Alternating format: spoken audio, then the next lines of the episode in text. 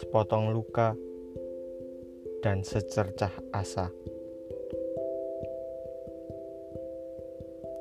Terkadang diri ini merasa tak ada gunanya, dan terkadang pula merasa tak pantas ada di dunia. Terkadang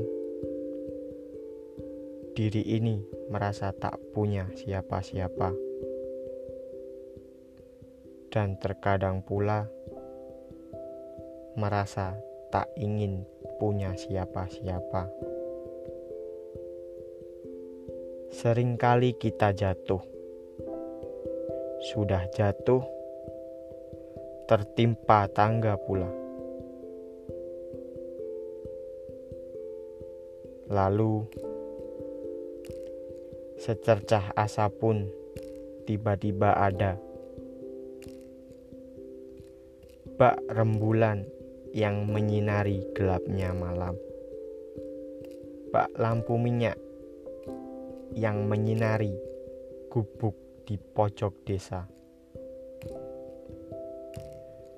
Secercah asa itu menyulut kembali semangat yang pernah padam, membangunkan kita dari tidur panjang, memunculkan mimpi yang pernah tenggelam.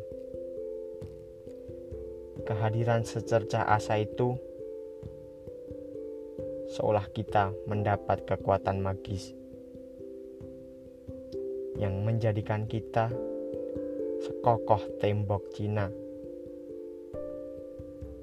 menjadi sekuat pasukan Sparta. Dan hal semacam ini sudah lumrah menyapa kehidupan kita. Sepotong luka, lalu secercah asa. Begitulah adanya. Demikian, saya Arfian. Semoga selalu dikuatkan.